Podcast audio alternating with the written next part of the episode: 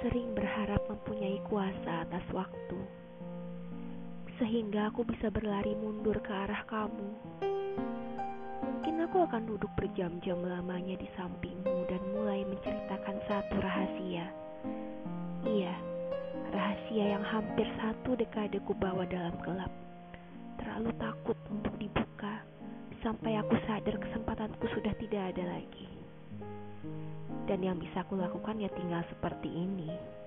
Menulis hayalan tentang ruang, momentum, dan juga mesin waktu. That person had a beautiful eyes, the kind you could get lost in. And I guess I did.